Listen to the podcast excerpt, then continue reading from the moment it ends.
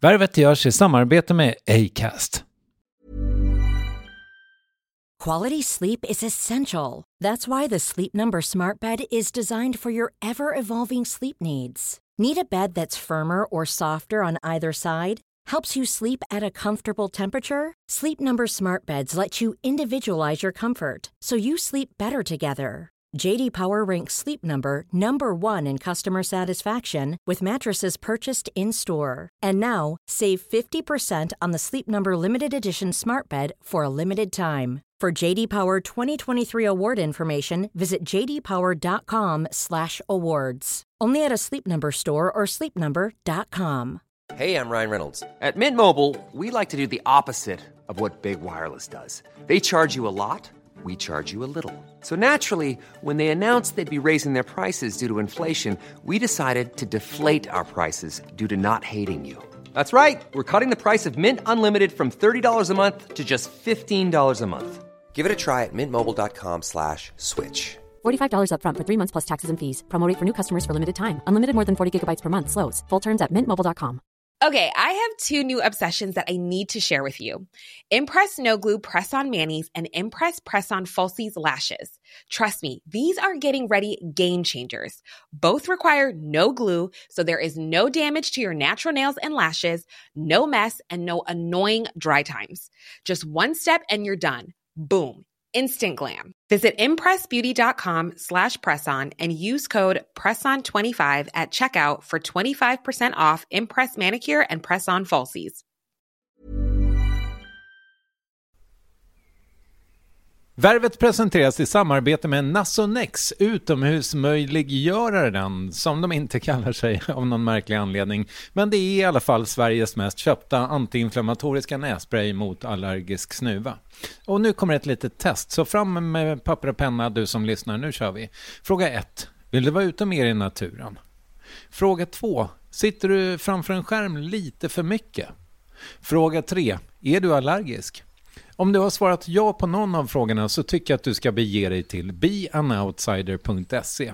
Jag vill för övrigt poängtera att Nasonex nässpray är ett receptfritt läkemedel från 18 år för behandling av symptom vid säsongsbunden och perenn allergisk snuva.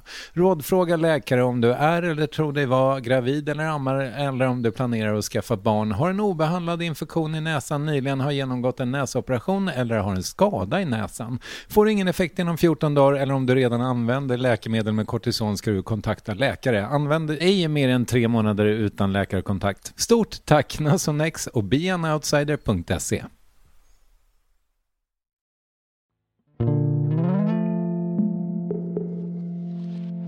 De första två veckorna var väldigt intensiva. Mycket dropp, mycket kräkas, mycket viktnedgång. Och det var den där farliga perioden var, för att det tar ju lite tid innan man tappar håret. Så jag hann känna mig både som en martyr när jag fick höra att ja, men, din kropp svarar ändå på det här och var skitsmal. Fick en Nyfred Perry-tröja av mormor som tyckte synd om mig. Eh, uh, så den där första, första entrén tillbaka i högstadiekorridoren, den var jävligt mäktig alltså.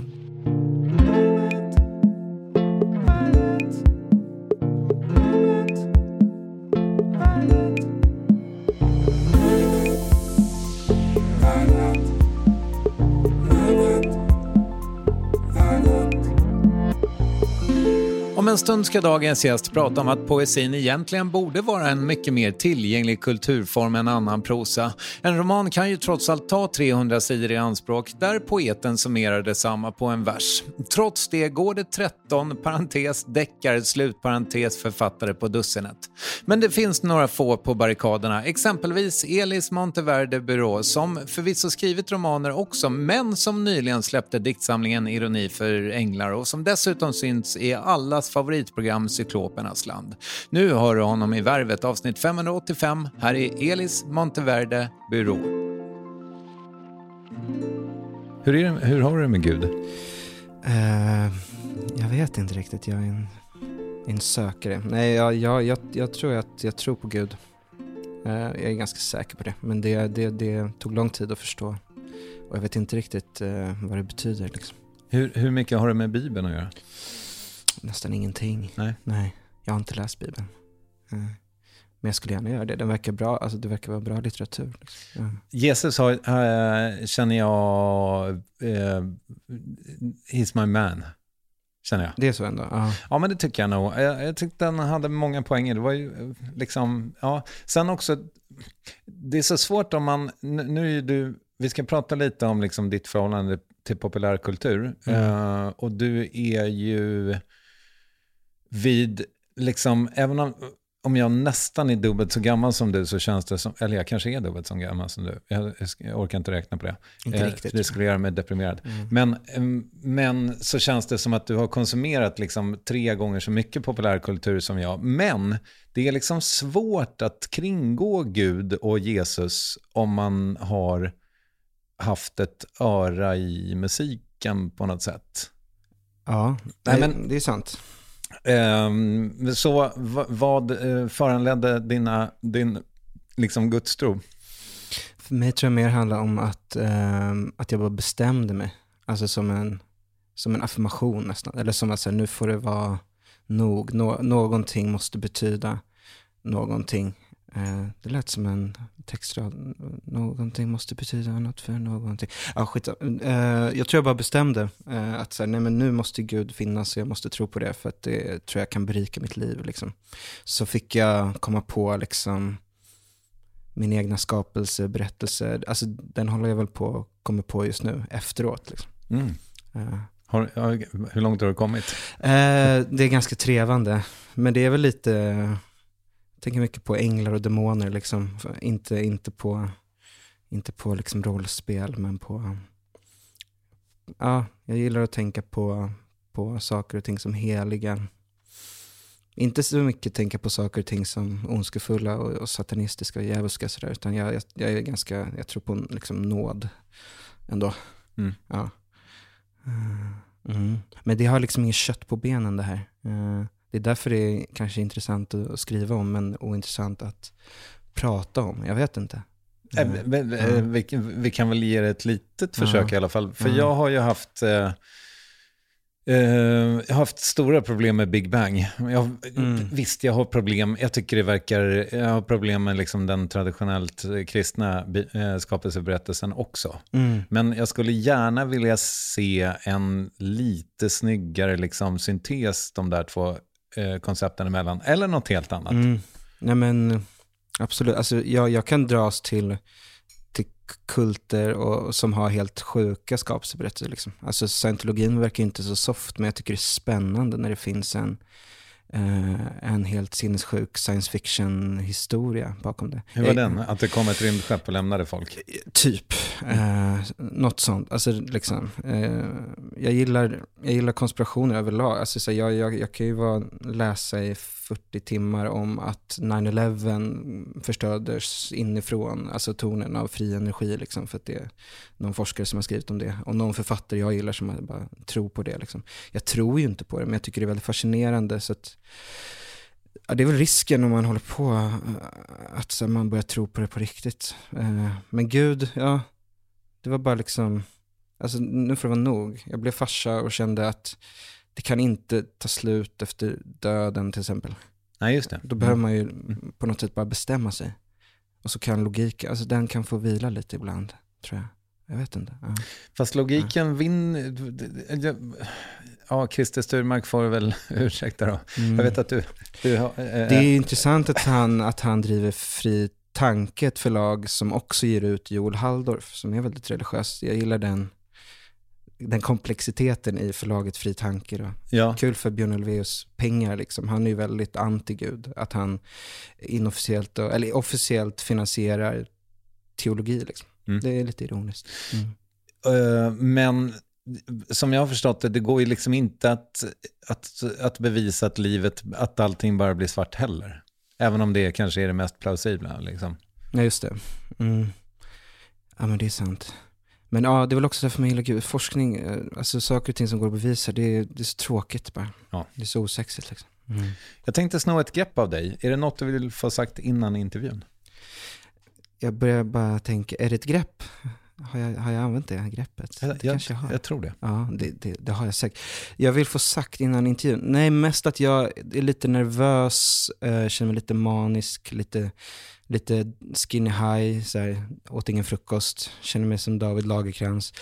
och det är liksom inte för att prata med dig eller sådär, utan mer för att jag är van att eh, jag är van att vara väldigt välrepeterad. Va? Jag är van att ha ett manus och kunna eh, allt jag säger utan till och sen försöka få det att låta spontant.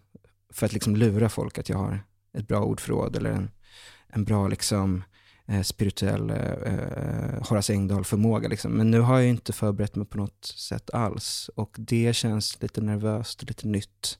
Så det är en brasklapp då, om folk blir besvikna på hur jag, hur jag levererar. Liksom, att hade jag fått hade jag ju repat in det här i flera veckors tid. Liksom, om jag hade fått frågorna innan och sådär. Mm. Problemet var ju att de skrevs ungefär fem minuter innan du kom. Ja men precis, Ja. det var ju tur för dig. Du kunde inte ens försöka via någon kran. In, inte alla. Okej. Vissa fanns. Eh, men Mm. ja. Nej men jag...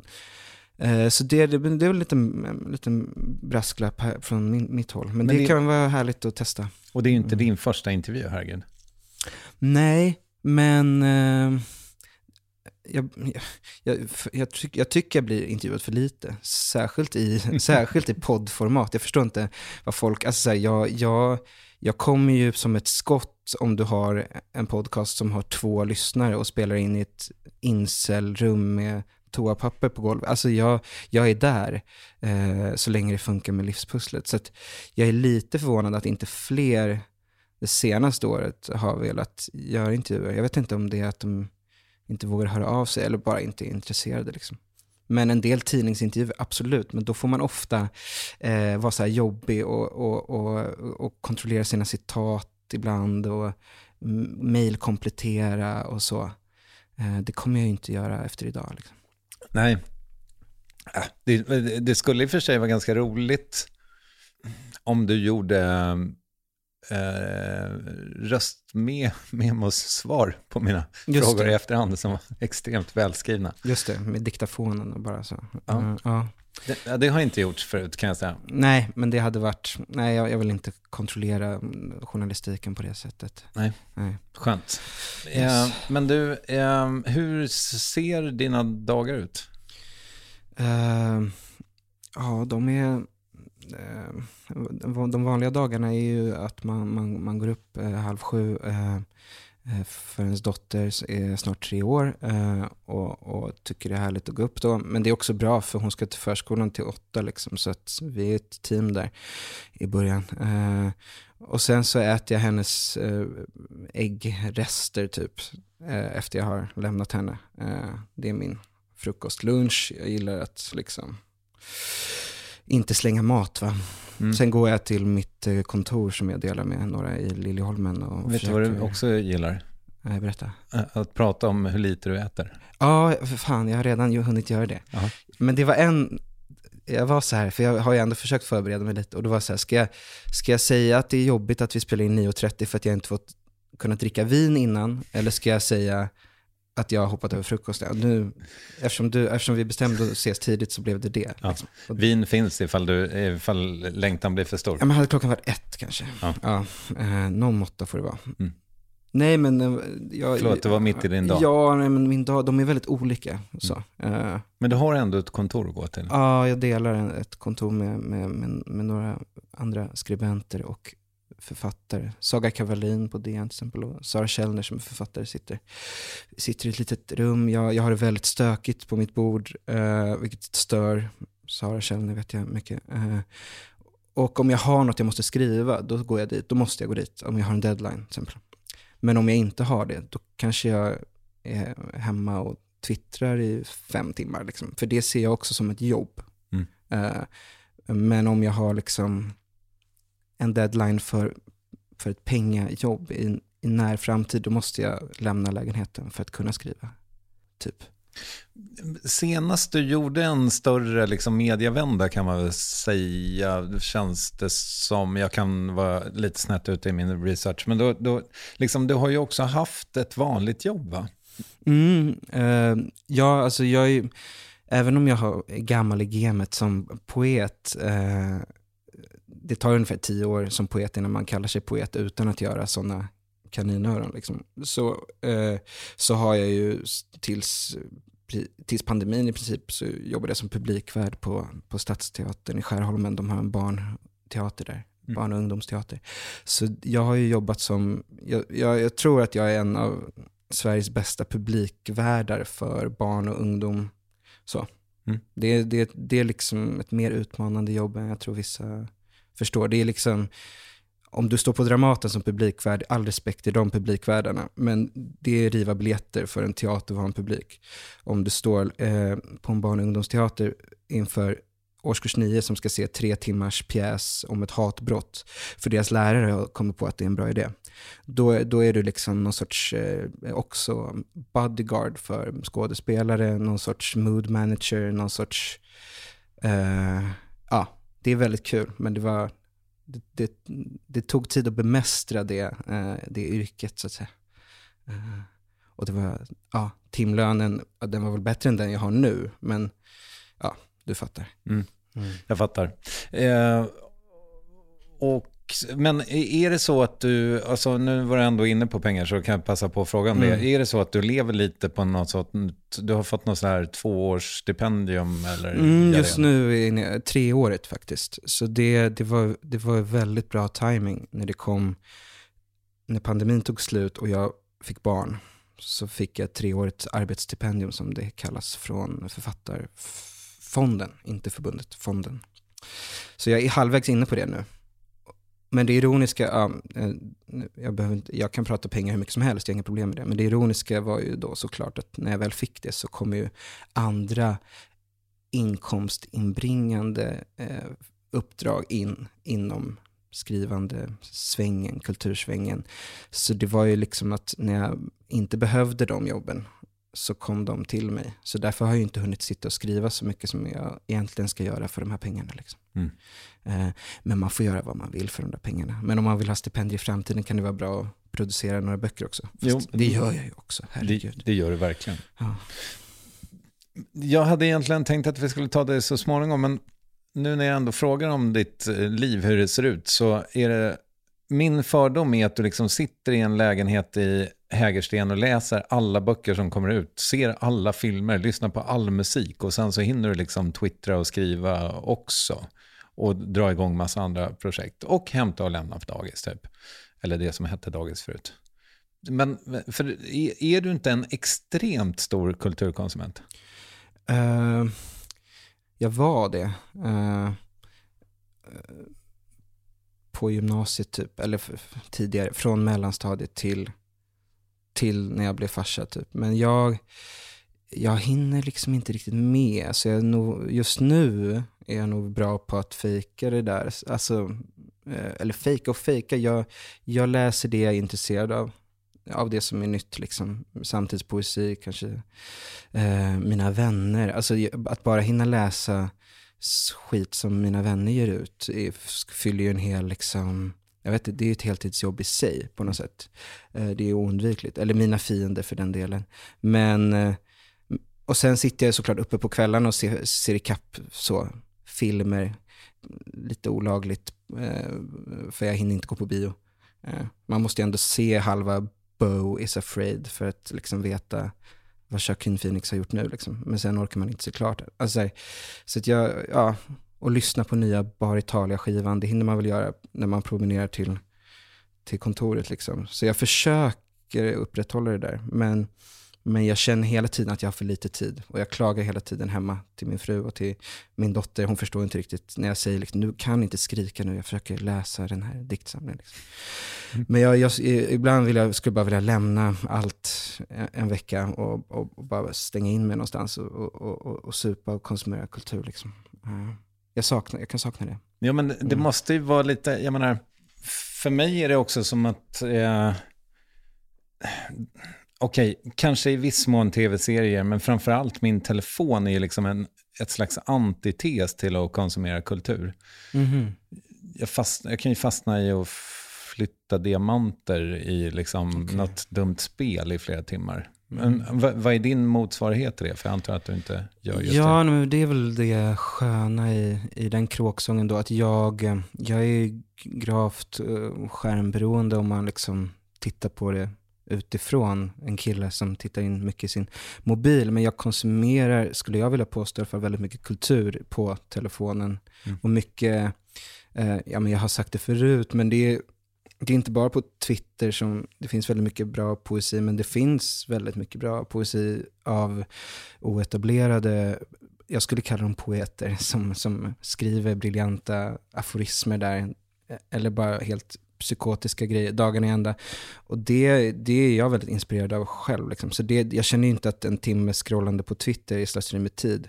Kanske bara nu i helgen när, när det var någon sorts server eh, psykos som Elon Musk liksom skojade om. Eh, att de hade dragit ner hur många tweets man fick se per, per dag eller vad fan det var. Men, men jag kan ju gilla även nu när, Twitter, när folk lämnar Twitter till höger och vänster och säger ja men eh, det här är liksom eh, dåligt för journalistiken. Vi brukade kunna använda Twitter förut. Då, då blev jag så här, men hur bra var Twitter för journalistiken för tio år sedan? Alltså, jag är inget stort Elon Musk-fan, men jag kan känna att Twitter har väl alltid bara varit ett ställe för barn, poeter och fyllon. Liksom. Alltså de man hör sanningen ifrån. Jag vet inte om journalister behöver dela sina eh, Almedals texter där ändå. Alltså jag kan känna att det är lite gött nu om, om, om alla tråkmånsar lämnar Twitter utan att för den sakens skull vara någon sorts högerman här. Eh, men det är kultur, liksom. mycket kultur där. Mm. Vore tråkigt om, om det försvann helt och hållet. Elon Musk är en mecenat. Han, han vet bara inte om det. Det är lite mm. som när, eh, jag kommer inte ihåg exakt hur ordalydelsen var, men jag tyckte det var så otroligt uppfriskande när Della Sport-gänget gjorde t-shirtar där det stod så här, rör inte mitt bettingbolag eller något. Just det. Mm. Eh, det var inte det punk? Jo, men det var väl det så. Eh, nej, ja, absolut. Om, om någon skulle göra något sånt igen, nu är det gjort liksom, men när, när de gjorde det då, eh, speciellt eftersom det var ja men det, jag vet inte. Eh, det är alltid kul att driva med, eh, slå tillbaka mot hyckleri liksom. Och de fick ju väl kritik mot må av, av, många som gjorde minst lika dumma samarbeten liksom. Mm. Uh, och jag älskar att spela bort pengar. Mm. Gör det? Ja. Ja, just det. Det gör du ja. Du har ett uh, light uh, Nej, men jag, har så många missbruk, jag har så många missbruk, men jag brukar tänka på att de tar ut varandra så att inget blir särskilt allvarligt. Jag tror på den teorin också. Mm. Men mm. jag spelade bort 150 spänn igår på att Hammarby skulle vinna borta mot Elfsborg. Jag tänkte att det var fem gånger pengarna jag hejar på Hammarby. Så att jag är så en dålig spelare också. Jag spelar alltid på det jag mm. hejar på. Jag spelar bort mycket på svenska landslaget och Hammarby genom åren. Mm. Ja, det, det, har inte varit, det är inga kassakor exakt just nu. Det kan man lugnt säga att det inte är. Damlandslaget kanske kan i och för sig. Ja, jag kommer gå in i den bubblan nu när, när det börjar här.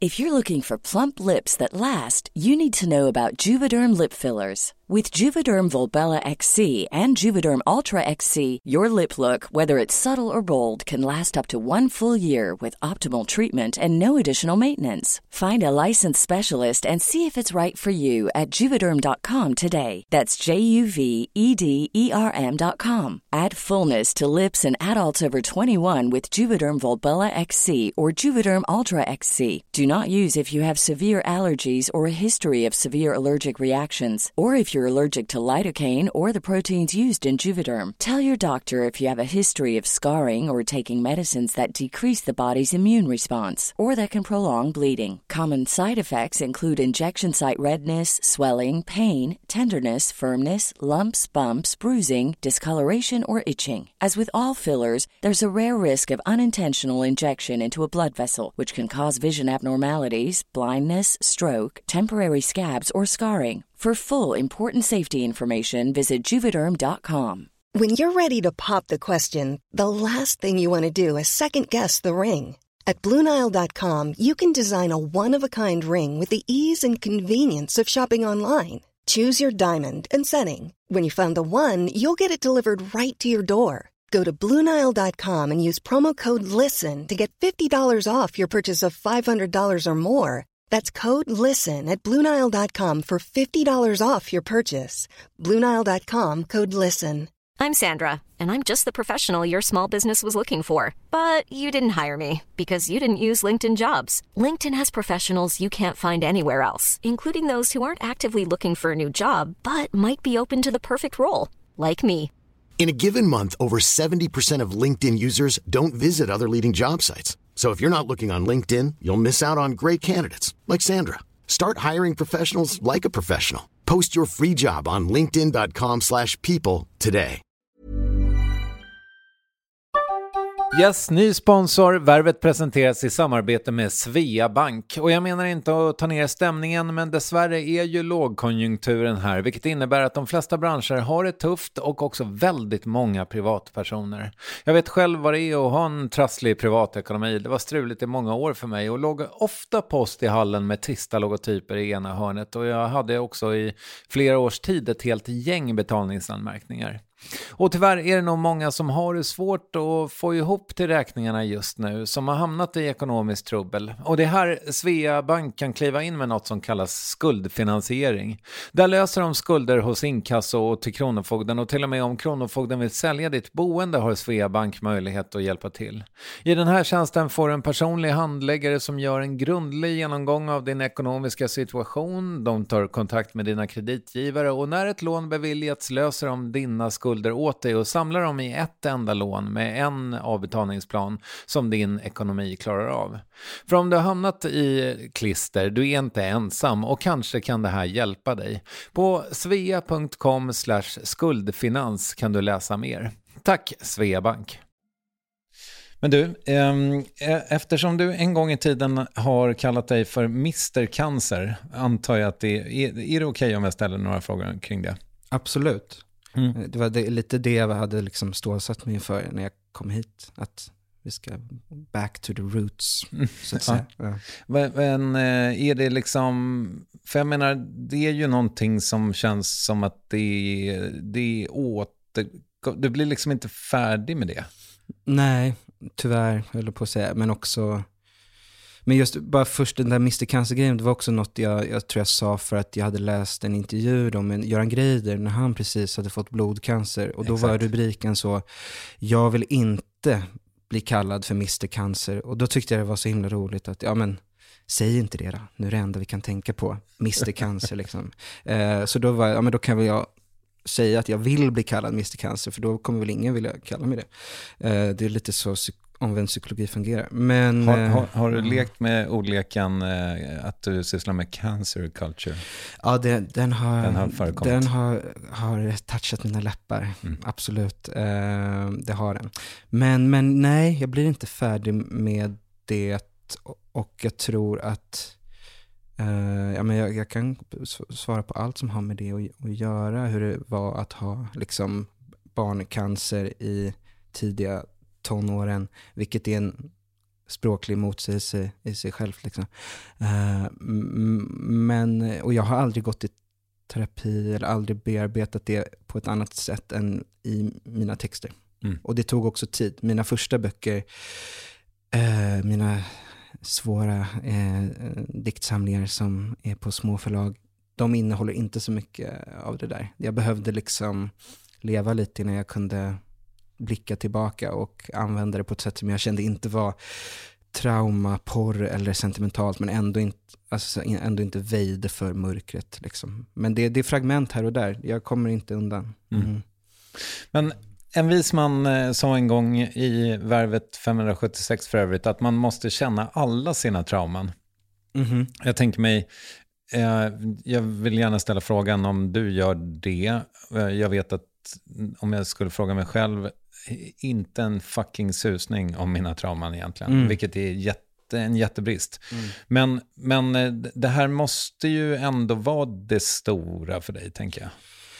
Absolut, eftersom jag liksom in, alltså upp till eh, åttan då, eh, vad är man då, 14, det var då jag blev sjuk. Liksom, fram till dess så var det ganska traumafritt. Men det jag har förstått, alltså så här, det var inte själva sjukdomen i sig, utan det var dens effekter. Det är kanske är banalt att säga, men det var det jag kan se på mig själv idag som det här traumat liksom påverkat i min personlighet. Det är ju framför allt eh, att cancern gjorde mig väldigt eh, fåfäng, eh, halvt eh, ätstörd. Jag fick en stor FOMO som jag fortfarande lider av. Och jag lämnade sporten för kultur, alltså så här, på gott och ont. Mm. Så det är liksom konkreta grejer. Men, men man, de där första veckorna var ju traumat inte att gå ner 15 kilo på grund av eh, cellgifter, utan det var ju att tappa håret och bli plufsig i ansiktet samtidigt. Jag tyckte det var ganska gött där i början när de var så, oj, vi måste köpa nya nude jeans till dig som är jättesmå och tajta för att du har blivit så smal. Om man kom från att vara lite så här större så här fotbollskille så, så det kändes sexigt liksom, i mm. början. Så det där är väldigt komplext, men jag, jag börjar förstå hur det där påverkat mig på olika sätt. Liksom. Mm. Ja, men alltså, hur, eh, även om du har sagt liksom någonstans att du inte minns så mycket eh, från din barndom då. Mm. Ja, jag har väldigt dåligt minne. Uh, min, ja. Men så låter det ändå som att det var liksom, alltså, om du inte minns den så kan det ju bero på två saker tänker jag. Det ena är att det inte hände så mycket. Mm. Och det andra är ju, vilket eh, jag blev varse ganska nyligen, men att stress ju faktiskt slår ut eh, eh liksom minnet. Och det känns ju rimligt när man tänker på det, att om man är i fight or flight mode så ska man kanske inte tänka på exakt vilken färg det är på stenen när björnen håller på att äta upp en. Just det. Och, och tänka mig kanske att det är det förstnämnda i ditt fall. Mm, ja, alltså... Eller var du en glad och harmonisk skit? Ja, jag var lite blyg tror jag. Alltså så här, jag var lite, jag hade väldigt, så här, min, min, min pappa var väldigt, eh, ja, men en fantastisk man liksom. Eh, med stort civilkurage och här, jobba på Fryshuset och var nere med alla kids och var fotbollstränare i mitt lag och i min brors lag. Och liksom, jag tror att jag jag kunde ha lite motreaktioner mot det där. Jag, jag, jag, vågade knappt hälsa. Om det kom en kille från fotbollslaget förbi oss på gatan eh, så kunde min pappa skälla ut mig för att jag inte hälsade på den killen. Liksom. För mm. att han tyckte att ja, men, du måste ju vara det är klart man hälsar. Liksom. Eller så här, jag brukar skoja att han har världens största civilkurage, eller norra, norra Europas största civilkurage. Liksom. Och det där, jag var lite blyg och, och, och, min arena var, jag var bra på fotboll, men jag var liksom inte bra i omklädningsrummet. Eller vad man ska säga. Min arena var väl att dra små one-liners i klassrummet och eh, skriva någon novell som Micke della Santa på Mariaskolan, lärare, tyckte var eh, jättebra. Liksom. Eh, men det stod ju inte så högt i kurs utanför klassrummet. Liksom. Mm. Så jag var lite, jag var inte high, high sensitive, men jag var, jag var en blyg skit. Men väldigt trygg och glad och liksom så. Jag hade inget att klaga på. Vad gjorde, din, vad, vad gjorde slash gör din morsa? Hon har, hon har jobbat eh, som fritidspedagog i i 30-40 år, höll jag på att säga. Nej, men hon, hon jobbade jättelänge på, på, på lågstadiefritids och sen så gjorde de lite förändringar på den skolan hon jobbade på som kände sig tvingad att säga upp sig, vilket var lite deppigt för att det var liksom bara några år kvar till pensionen så att säga. Så nu är hon så resurs, extra resurs på en annan skola. Liksom. Mm. Eh, men båda mina föräldrar, jag, jag, brukar säga att jag är ett pedagogbarn. Liksom. Vilket är bättre än att vara ett demagogbarn. Liksom. Det hade varit jobbigt att vara son till så Goebbels. Jag är ganska lyckligt lottad. Ja. Men jag är inte så pedagogisk själv av mig. Jag, det är kanske är därför jag gillar att namedroppa saker utan att här, förklara mig. Eller så. Jag hatar kontext. Liksom. Jag tycker att man ska... Sånt får man kolla upp själv. Ja. Mm. Hur, hur, fick du förresten veta att du hade det? Ja, men det var... Jag minns den men jag minns ändå den tiden när man gick eh, mellan sjuan och åttan där, att det var en ganska, jag, hade, jag blomstrade ändå lite i, i slutet på sjuan liksom. Jag, eh, jag tränade mycket fotboll. Med, på somrarna var det fys, för min farsa var ju tränare liksom. Man fick inte vila. Jag minns att vi var i New York och så sprang i Central Park, så här, man är 14 år och börjar känna att nej, men jag, jag, jag börjar se ganska bra ut. Så här, jag, jag kanske har en chans nu när vi går tillbaka till högstadiet här efter sommaren att så här, bli populär även, även liksom hos tjejer för att jag är snygg, inte bara för att jag är rolig eh, i klassrummet. Liksom. Så det, jag, jag såg fram emot den där eh, hösten minns jag. Och sen var det nog blåsljud på hjärtat hjärtat. Eh, de förstod inte vad det var. Jag spelade någon, vi åkte ut Sankt Erikskuppen, jag missade en straff, det regnade och så liksom, jag spelade ändå, hade det här blåsljudet och så var de så här, kan det vara körtelfeber? Nej, det verkar inte vara det. Eh, de lyssnade och höll på, alltså, ingen, ingen fattade vad det var. Och så minns jag, jag minns dagen faktiskt, det här minns jag för att det finns dokumentation kring liksom. Alltså jag minns när jag skriver eller när jag filmar grejer, men vi, vi gjorde ett grupparbete det var någon specialvecka i skolan, man skulle göra en film typ. Och vi hade smygfilmat Ulf Lundell bland annat, minns jag, där när han bodde vid Zinkensdamm. Så hade vi liksom, för vi gick i Mariaskolan som ligger där, så att vi hade sett honom och så hade vi smygfilmat honom, klippt in i vår film. Vi tyckte vi var jätteroliga, vi var lite så, eh, Filip och Fredrik inspirerade tror jag. La på så här mycket grafik och sånt som de höll på med på den tiden. Och vi, alltså vi var 14 år, det var ju, vi var ju pissdåliga. Men vi satt och klippte det där. Och då minns jag att pappa ringer och säger, men vi måste åka in till sjukhuset. Eh, för de har fått något svar sådär. Eh, så det minns jag väldigt tydligt, resan dit. Och vi åt en, en Big Tasty, inga pommes frites. Eh, det hade börjat redan innan cancern, det där med med att, eh, att räkna revben, så att säga. Så det där minns jag. Så kom det en, en, läkare som hette Stefan Holm, vilket också är ett namn man minns. Ja, det är klart. Eh, eh, och så sa han att nej men vi, vi, vi har hittat eh, cystor nära hjärtat och liksom det är fullt här. Det är därför det, här blåsljudet. Och det finns också upp mot nacken och runt. Liksom. Det var väldigt mycket. Alltså det var, det var, det var liksom, det var, det var, i början där var det jätteallvarligt. Mm. De behövde sätta in behandling samma dygn liksom, mm. direkt. Mm. Och det här är lymfan va? Ja, en typ av lymfom. Eh, alltså det är nästan som leukemi, men det, det kallas non-Hodgins lymfom, kallades just min typ då. Eh, så det är väl i olika lymfkörtlar och liksom satt lite överallt och sådär. Men det var just där kring hjärtat de var tvungna att pump, pumpa in skiten snabbt. Eh, cellgiftet och, mm. ja. Men det där, ja, det var lustigt på tal, jag, tänk, jag, har inte tänkt på det, men Lou Reed har gjort en låt som heter Damok, Damocles Sword, som finns på Magic and Loss-skivan. Mm.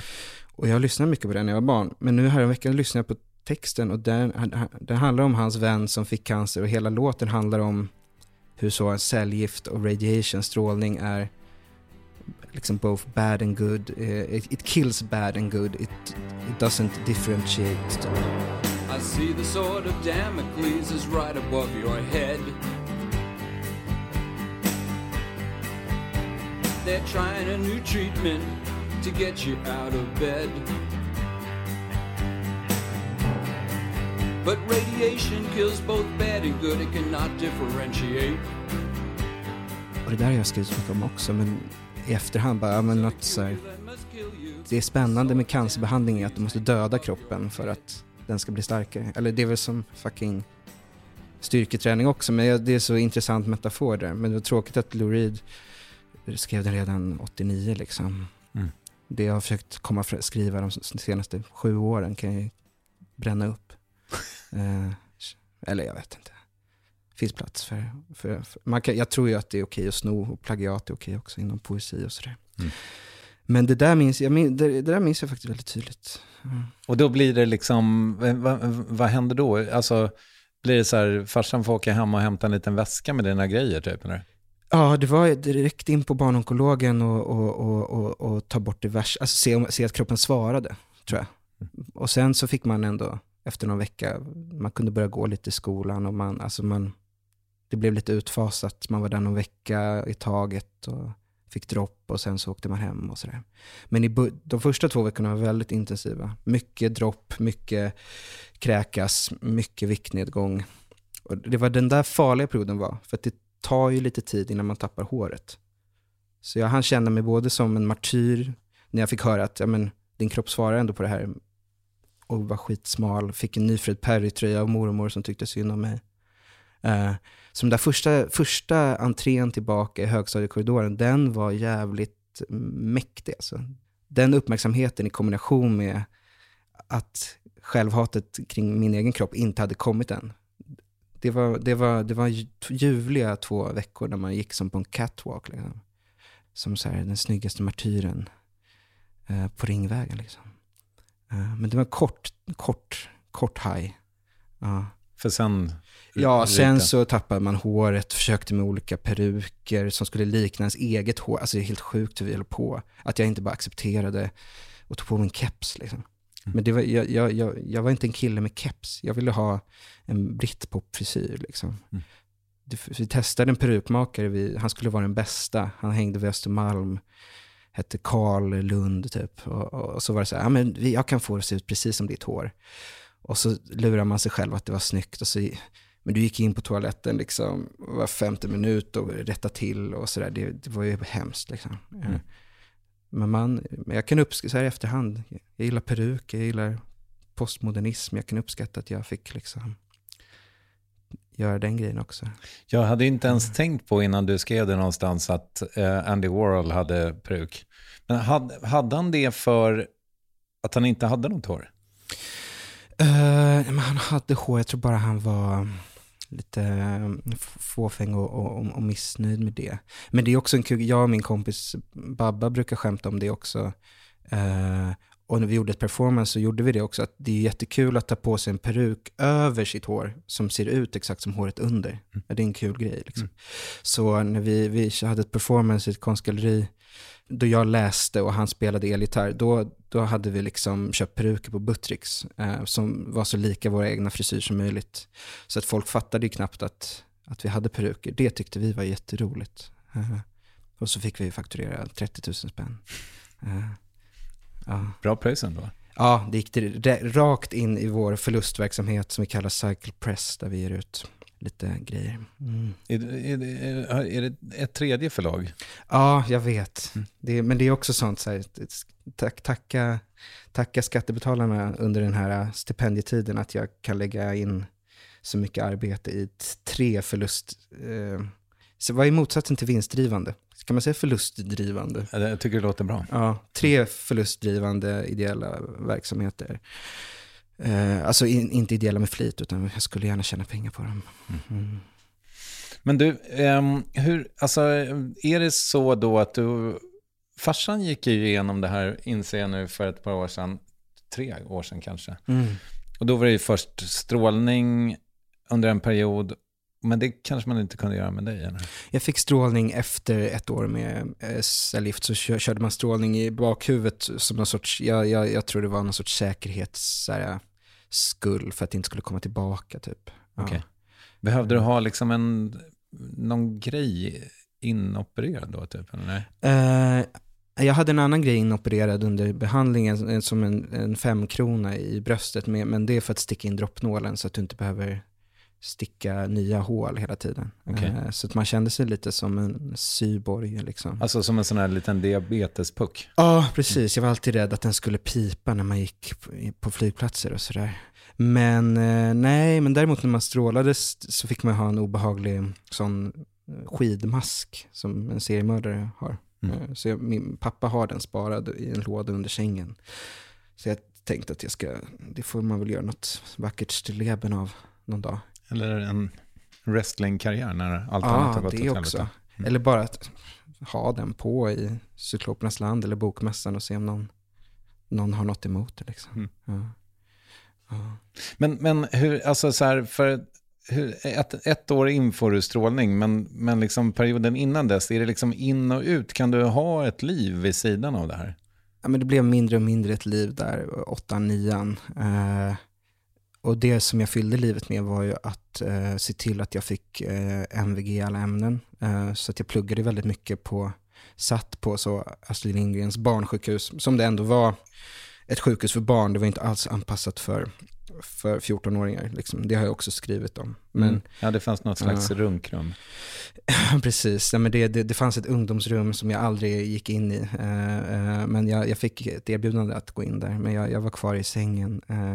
Kollade på High Chaparral med Filip och Fredrik. Eh, pluggade eh, mycket, läste mycket. Så att jag fick bra betyg. Typ. Men jag, jag tappade hela den sociala biten och när alla mina kompisar började, FOMON jag var inne på förut, alltså jag hade sett fram emot ändå att, men, att man ska börja dricka och festa och hela den biten gjorde ju alla mina vänner liksom, eh, där i nian. Eh, Medan jag låg och romantiserade det. Men det kanske var bra, jag hade nog blivit besviken för jag menar hur fantastiska sofistikerade fester hade de här eh, fotbollskillarna jag hängde med egentligen. De låg väl och spydde i någon, någon, någon stubbe och satt med något gäng som satt och heilade. Jag vet inte, alltså det var väl skitskönt att jag slapp de festerna. Så kunde jag fortsätta romantisera bilden av, av det där liksom. Mm. Men du måste ju ha längtat ganska mycket, tänker jag. Mm.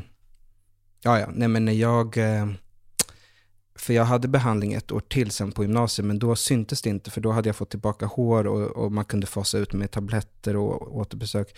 Så när jag, när jag började gymnasiet på Södra Latin, då behövde inte jag säga det till någon, att jag var ett cancerbarn. Så det var ju, då, då gick jag ju all in på att bygga upp en helt ny identitet. Och jag måste säga att jag gjorde det ganska bra eh, så här i efterhand. Jag, jag, jag lyckades bra med det där bygget. Eh, vad, vad gick du för linje? sam, sam. Ah, Okej, det var ingen sån konstnärlig... Nej, nej, alltså här, även om jag hittade kulturen under den här konvalescensen, liksom, så, så var jag nog mer att jag ska bli kulturjournalist, tänkte jag. Mm. Och de, jag ska gå sam-sam, det är väl rimligt. Ska, jag ska bli smakdomare, jag ska bli Andres Lucco. Det var, det var liksom min eh, osköna eh, ambition. Så. Inte den här trevliga Andres Lucco som ni tänker på, som skriver väldigt fint och, och, och, och, och öppet och spirituellt idag, utan den här vassa Andres Lucco som skrev i pop på, på 90-talet. Ja, den dömande. Mm, Mm. Den, den eh, smakfascistisk, smakfascistiska. Det är lite, det gör ont i mina ögon när jag ser Fredrik Strage och Anders Lucco och alla de här, eh, ser så, med så breda leenden i, i breda sammanhang på så, alltså, no, all respekt till er, men, men i mina ögon ska inte Fredrik Strage stå på Lollapalooza. Nej, jag, jag, det känns, jag är fortfarande, jag är väldigt konservativ där. Det var bättre på 95 när jag var tre år gammal. Mm. Ja, nej men det, det är ju lite intressant här, för jag, det har, har ju kommit upp många gånger, kanske också för att jag faktiskt ju var med eh, Mm. på 90-talet. Och verkligen, alltså jag var ju Sveriges sämsta musikskribent, eh, liksom, Mm. eh, tyvärr, eftersom det visade sig ganska snabbt när jag fick det giget som skivrecensent som var det enda jag ville att jag var fullkomligt ointresserad av ny musik. Så att jag var ju, eh, alltså, jag skulle kunna skämmas jättemycket över det. Jag visste inte bättre, jag var ung, vad fan. Mm. Eh, men den eran som ju du då liksom romantiserar, det var ju verkligen så att eh, Andres Lokko var ju större än Kent i princip. Mm. Ja, jag vill tro att, em, att jag har en ganska sann bild i mitt huvud av den där tiden. Liksom. Det är klart att Olle Ljungström bad en person på en fest att gå hem för att personen var för ful. Liksom. Och jag, ja, jag älskar det. Jag vet inte varför. Har, har, du- har du testat själv? Nej, men jag är inte heller lika vacker som Olle Ljungström, så jag, har, jag känner inte att jag har det kapitalet riktigt. Eh, Han sa ju en, en gång på någon efterfest som jag satt på i Malmö. Säger du kärlek en gång till så sparkar jag in tänderna på dig. Eh, och då hade personen i fråga inte sagt kärlek. Det är, ja, sånt där går ju inte att, hitta på. Nej. nej. Han var otrolig faktiskt. Ehm, men så en, en helt ny persona liksom. Ja, ja, ja, jag bröt i princip med alla vänner jag hade haft i grundskolan och, eh, och skapade eh, ett nytt, också härligt liv när man går från en skola där, man, där, där killar har umgåtts med killar och tjejer har umgåtts med tjejer och så har det varit lite överlappning då under de här feståren som jag missar. Det är kul att, det är kul att kalla åttan och nian som festår. Det är ju jättedumt egentligen. Det var ju inte så här meet me in the bathroom-stämning. Men skitsamma, men det var kul att börja gymnasiet och gå i en klass med så 25 tjejer och tre killar varav en är krustpunkare som har så, vad heter han, Mats Olsson som styvfarsa. Alltså det var en härlig kulturbarn och tjejer liksom. Alla borde få träffa dem i sina formativa år. Så. Mm. Och nu menar jag tjejer som vänner. Mm. För jag var absolut ingen Casanova. Eh, Det var ingen ladies man. Nej, och även om jag var det så hade jag, tog det lång tid för mig att, eh, att förstå det i sådana fall. Eh, Jag brukar skämtsamt till min fru och till andra kalla mig för monogamins riddare. Liksom. Men jag, jag har haft två, två relationer i mitt liv och eh, det var med mitt ex som vi, var ihop i sex år. Och sen så träffade jag min fru efter en vecka, så nu har vi varit gifta i fem år och ihop i sju. Liksom. Eh, och ska så förbli tills döden skiljer oss åt. Eh, jag, skulle, jag kan inte förstå hur man kan träffa någon och sen med flit göra gör, liksom, gör slut på det. Man får bita ihop för fan. Mm, men det där är ju, för att du kommer ju, antar jag, från en kärnfamilj. Så det är liksom det. Så det kan var, det vara. Det var det du såg. Det var det jag såg. Eh, precis. Mm.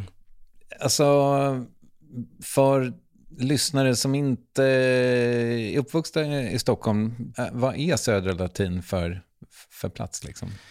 Uh, ja, ja, men det är på samma sätt, det är väl som, som, som, som jag romantiserar, jag vet inte, 90-talets eh, mediaklick som jag inte var en del av, så tror jag folk både romantiserar och hatar, framförallt är det väl en nidbild för folk, liksom, att det är någon sorts kulturbarns mecka. Uh, eh, och det var det väl också.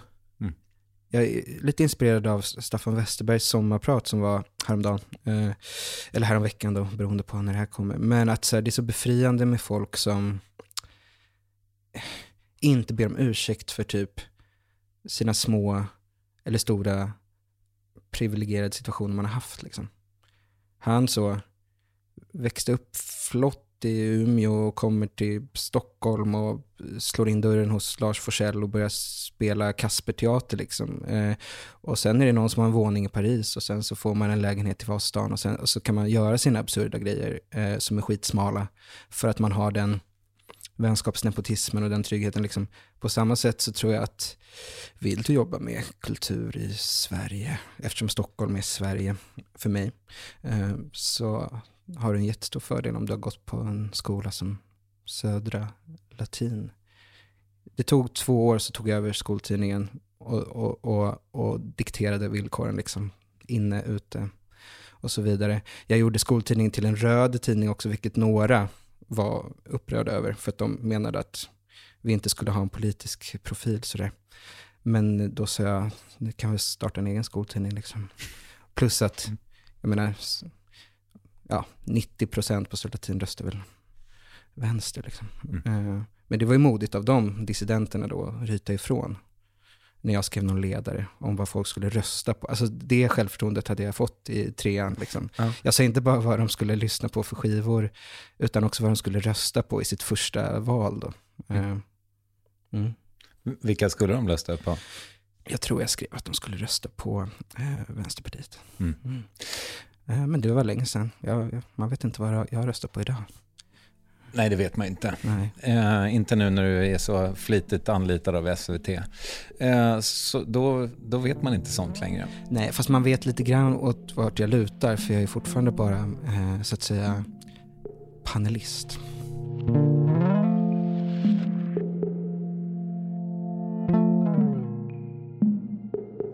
Men du, ehm, alltså det är ju kul, fräsigt, balt och häftigt att liksom en så pass ung person ändå liksom så tidigt hittar poesin. Mm. Hur, hur gick det till? Var det liksom, hade du tagit dina första poetsteg i gymnasiet redan? Sta, staplande tror jag. Eh, Men nej, in, inte, jag hade inte riktigt förstått att det var att det var där frälsningen låg så att säga. Men jag hade börjat misstänka att, att journalistiken var en tråkig återvändsgränd liksom. Eller, eller så. För att eh, efter studenten så gick jag ett år på JMK som det hette då. Men det, det är väl det som är journalisthögskolan, I guess. De hade gjort om där så att man fick liksom söka om efter varje år. Så jag började första året på JMK. Och så förstår jag, ja, men liksom, jag vill ju inte skriva för då måste du också lära dig skriva sakligt och liksom hålla på och vara sanningsenlig hit och dit. Jag förstod väl där att jag vill ju bara hitta på. Jag vill ju knappt tycka något. Och ska jag skriva, smak, ska jag vara smakdomare och skriva krönikor måste jag ju tycka något. Eh, så jag, jag började undermedvetet förstå det där och sen så tror jag att jag började läsa, jag vet inte vem inkörsporten var riktigt. Men det var väl just det här att jag började bli mer och mer uttråkad på, på långa böcker och upptäckte korta böcker. Mm. Poesi, det är ju... Inkörsporten till poesi borde vara mycket eh, större, ett större hål eh, som är lättare att hoppa igenom än det här nålsögat som en vägg av prosa är. Alltså rent formmässigt så borde det inte vara så svårt för folk att, att ge sig in i poesin. Eh, Nej, men där tänker jag mig mm. att du har en, alltså du spelar nog en viktig roll där tänker jag. Oh, liksom ja. i, i, i, sällskap av en liten, liten klick. Oh, ja, alltså jag, jag, sen blev jag väldigt inspirerad, det var några år senare, av Lukas Moodyssons för han började ju också som poet. Liksom.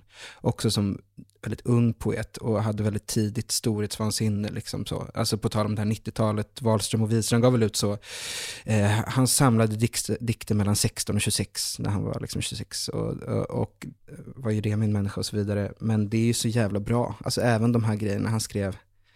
Han skrev så, mm, ditt, ditt hjärta är en stjärna som lyser i min hjärna. Alltså sådana grejer. Eh, det är ju lika briljant som fucking Åmål liksom. Mm. Uh, och jag, en anledning till att jag, eller jag har mer och mer börjat se det som, som ett, ett uppdrag jag har att uh, i alla fall inte vara motsatsen till, uh, vad ska man säga, alltså, jag ska inte prata om andra poeter så i samtiden, men jag, jag, kan känna att det här, det är inte supermånga som är superintresserade av att kommunicera utanför en, en redan initierad krets. Liksom mm. om man säger så.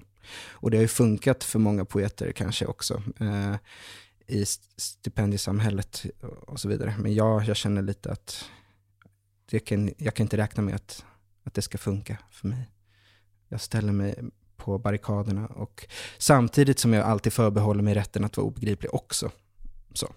Du var ju på det här med, med referenserna och man, man känner ju alltså att du inte tycker att man behöver du är liksom Filip snarare än Fredrik. För Fredrik har någon slags mantra om kontext, kontext, kontext. Mm.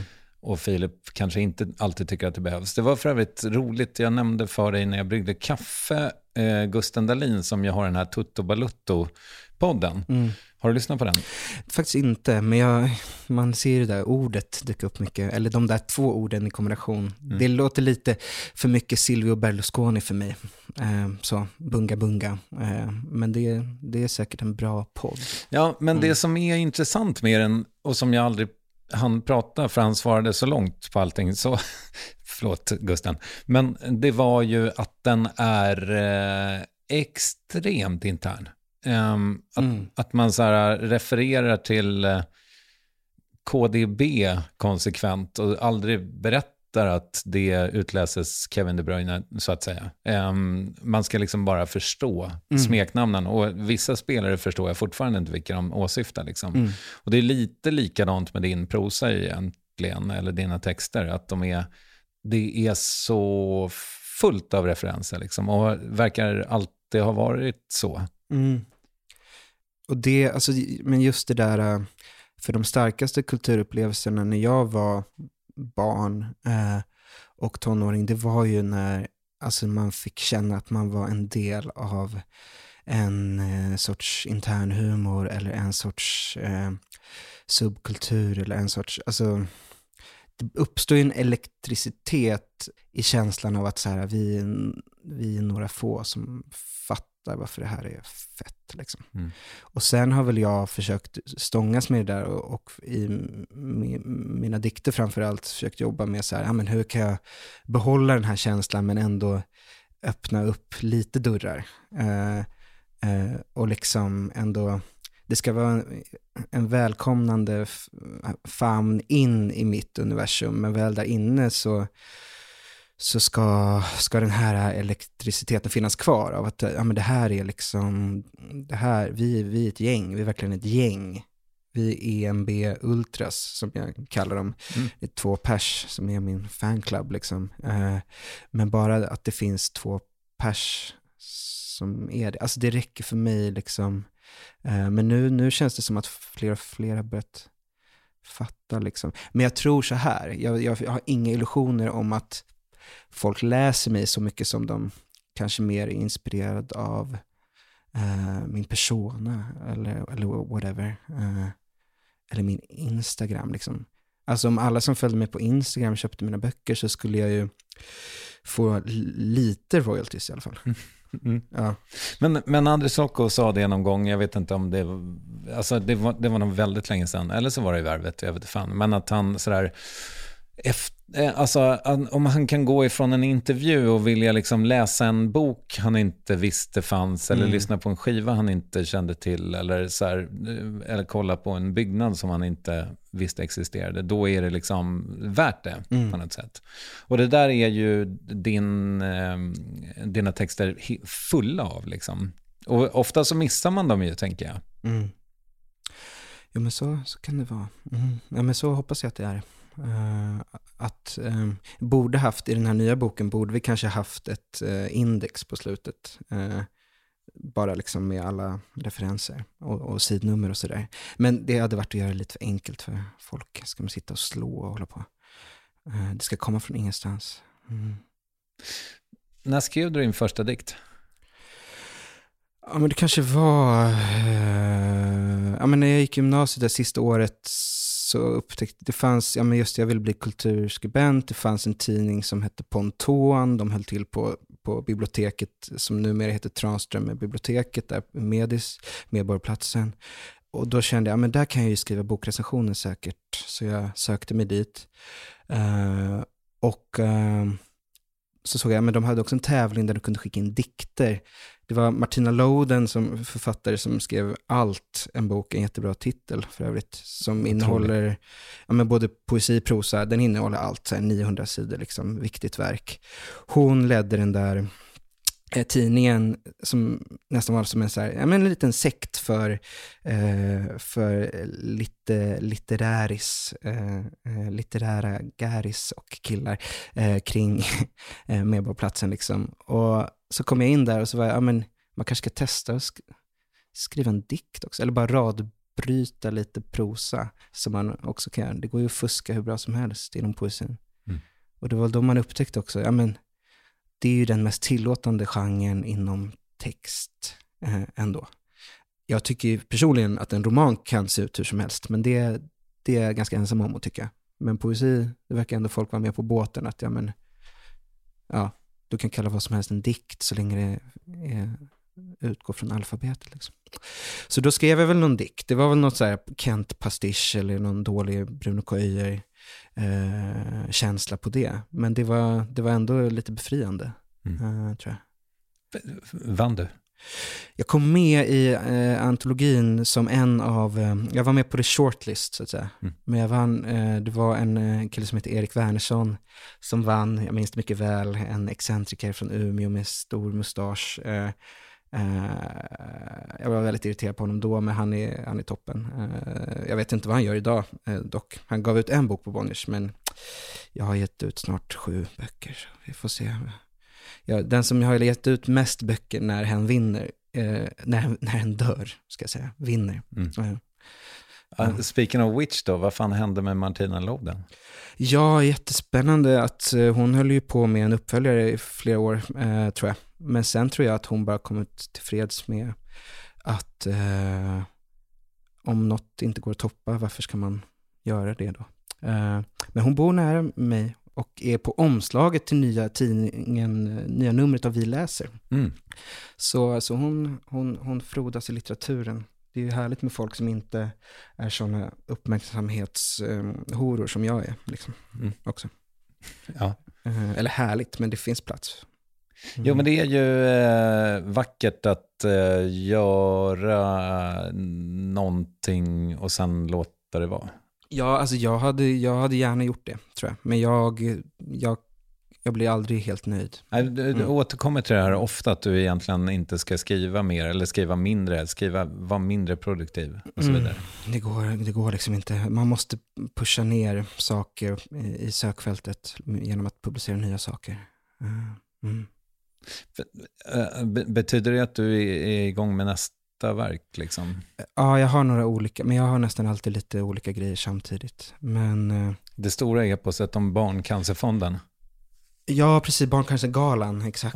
Ja. Eh, Mm. Men Barncancerfonden kommer komma in i det där också. Men, men, ja, men det är väl den långa bågen eh, som jag tänker ska få ta tid på riktigt. Så. Där, där kan vi se en bok om f- 20 år kanske. Eh, jag var bara tvungen att gå ut med, med vissa grejer offentligt ifall någon skulle sno min idé.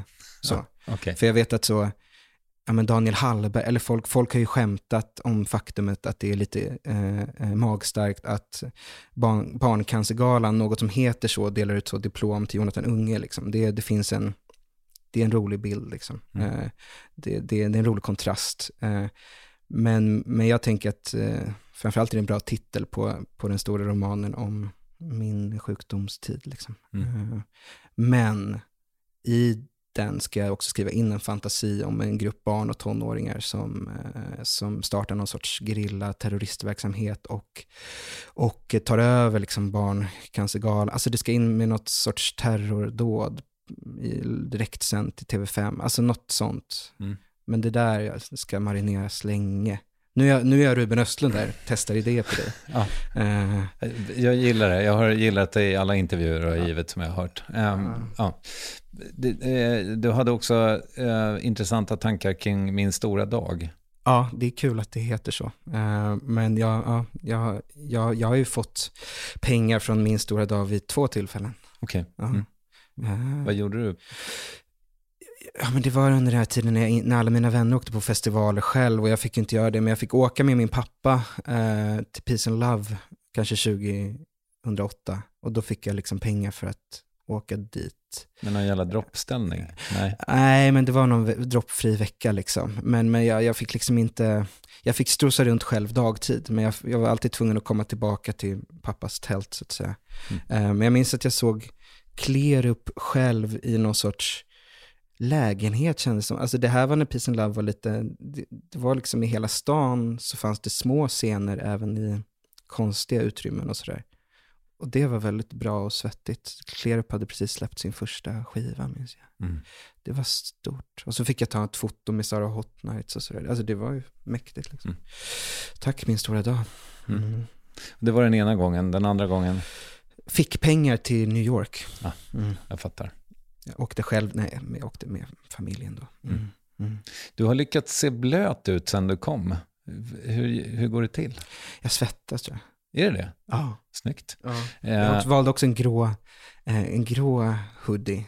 Eh, men, men sen har jag lite, kanske lite wet look i, i, i, håret. Jag tvättar inte mitt hår. Av politiska skäl. Ja, precis. Mm. precis. Mm. Jag har mycket mjäll också, men det gillar jag. Jag tycker, det är, jag tycker att det är sexigt. Eh, från ehm, att skriva för ett fanzine och sen så då gå på folkhögskola. Eh, alltså, vad händer i ditt liv där? Eh, nej men det är väl hoppa av journalistikhögskolan då. Eh, dels för att jag har förstått att eh, det är inte för mig. Eh, måste söka jobb, börja jobba som publikvärd. Trivs med det, men försöker ändå liksom hitta ett sammanhang där jag kan få utlopp och, och testa det här med poesi på ett annat sätt. Liksom. Och då söker jag Biskops nu. Jag har sökt redan innan, men liksom det, det var ju bara brådmoget och idiotiskt att tro att man kunde komma in tidigare. Så jag tror jag sökte Biskops nu författarskolan tre år eh, och så kom jag in på tredje försöket. Så.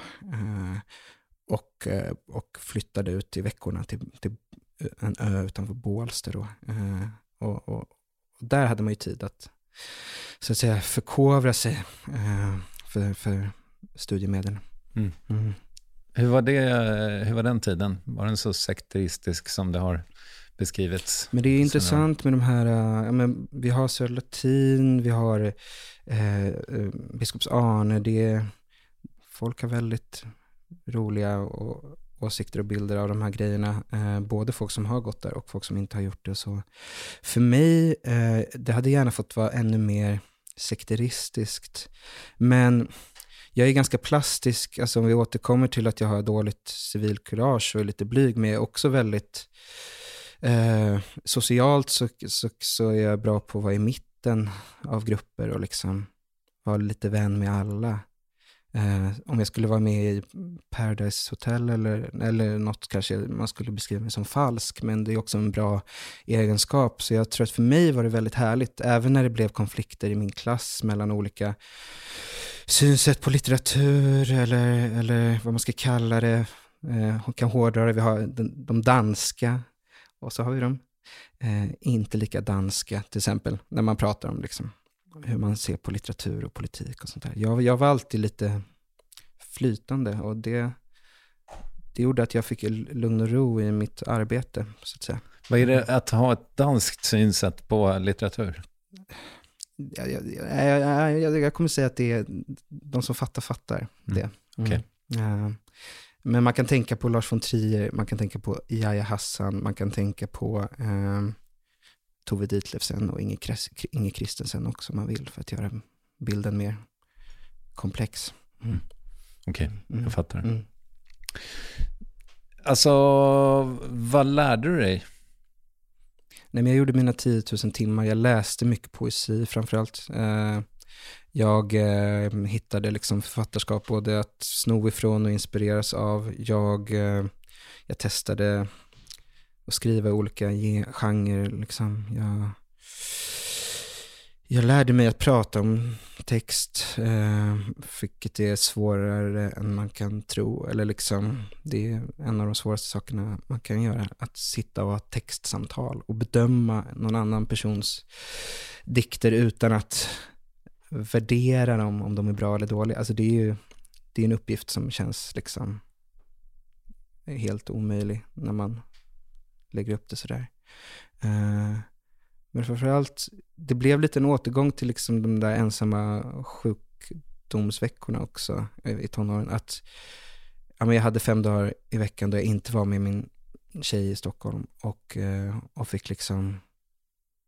Ja, men jag har förstått att jag behöver vara ensam rätt mycket eh, för att kunna skapa liksom saker som kanske håller för tidens tand och betyder något och sådär. Och det är, det är lite jobbigt nu när man är inne i småbarnsåren.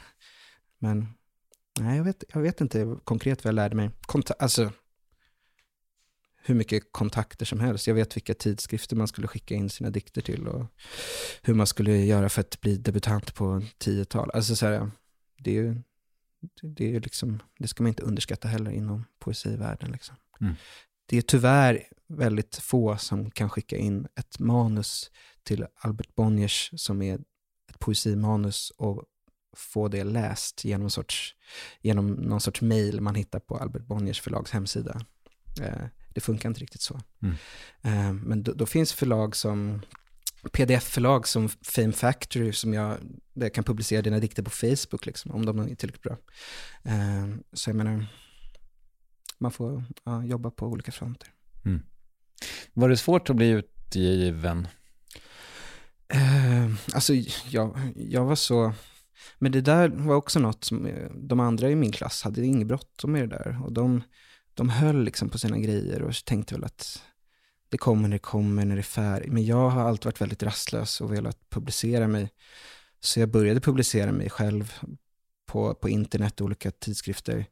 Och på gott och ont så tror jag att eh, ja, om folk inom den här bubblan har sett ens namn och läst någon dikt så är det ju lättare att gå fram till någon som man träffar på någon eh, efterfest och fråga om den vill läsa hennes manus. För man vet att han och hans fru driver ett tvåmansförlag i Axelsberg. Liksom. Så det var inte så svårt. Men jag behövde ju ge ut eh, diktsamlingar innan jag fick in ett manus på eh, en roman på Bonniers. Liksom. Mm. Eh, det, var ju, det hade ju inte gått direkt, för mig i alla fall.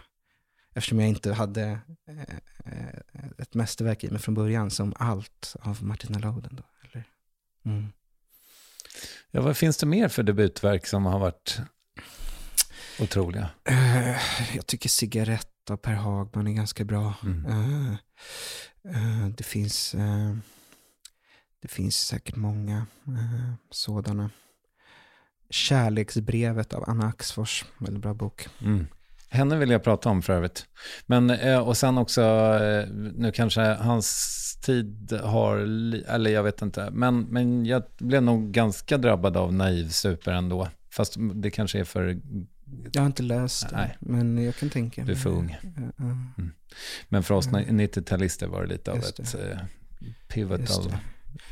Just det. Men, men, men, men det, det riktiga exemplet är väl eh, Jaja Hassans debutdiktsamling de senaste tio åren. Eh, Eh, det är, man blir lite deppig när en så ung person kan debutera med något så bra. Alltså deppig för att man själv känner sig usel. Mm. Mm. Jag har inte läst honom. Nej. Men du, um, nu ska vi se. Jag hade någon tanke om vart jag ville. Um, vi var ju på det här lite grann med din pro produktivitet. Liksom. Mm. Har den, var, alltså, kan du berätta lite, blev väldigt självmedveten kring den här frågan, men kan du berätta lite om din process?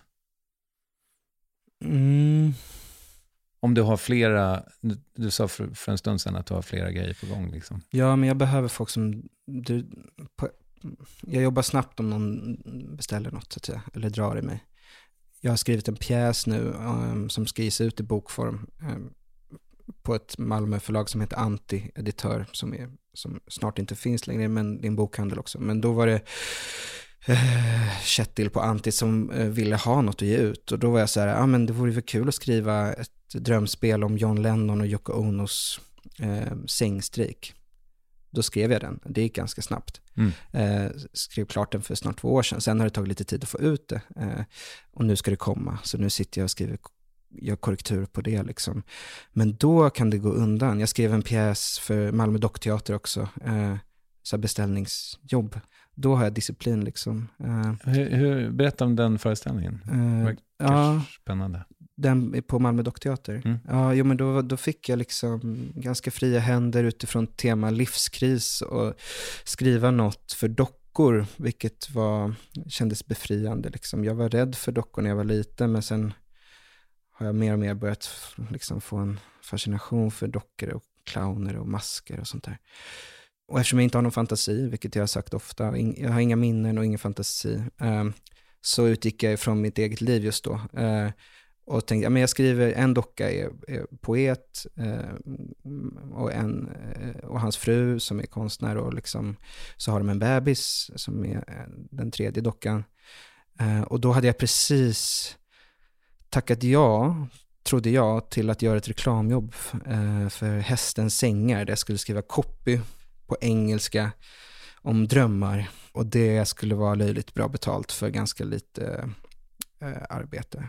Och jag hade velat fram och tillbaka, men tackat ja. Men sen så hörde de, de det rann ut i sanden. Så då, då skrev jag som en sketch om konstnärlig integritet istället, som pjäsen fick heta, där jag eh, använde mig av, av, av den grejen eh, och typ problematiserade konstnärlig integritet så att säga utifrån det där. Eh, och sen så la jag på ett metalager för att jag inte kunde låta bli. Så det, det, presenterades som att det var en, en, en, en pantomimgrupp som kallade sig Knarkarna, skulle spela upp en sketch om konstnärlig integritet. Och så var det väldigt så generiskt en en man som får ett mejl för att skriva en dikt till en reklam. Alltså så här, och bebisen börjar prata och det blev ju absurt till slut också. Mm. Regissören översatte det till franska på Google translate liksom, så att det var så undertexter på svenska och de såg ut som så Buttricks-mimare. Eh, men det blev, väldigt, eh, det blev väldigt bra, tror jag. Och jag är väldigt glad att jag inte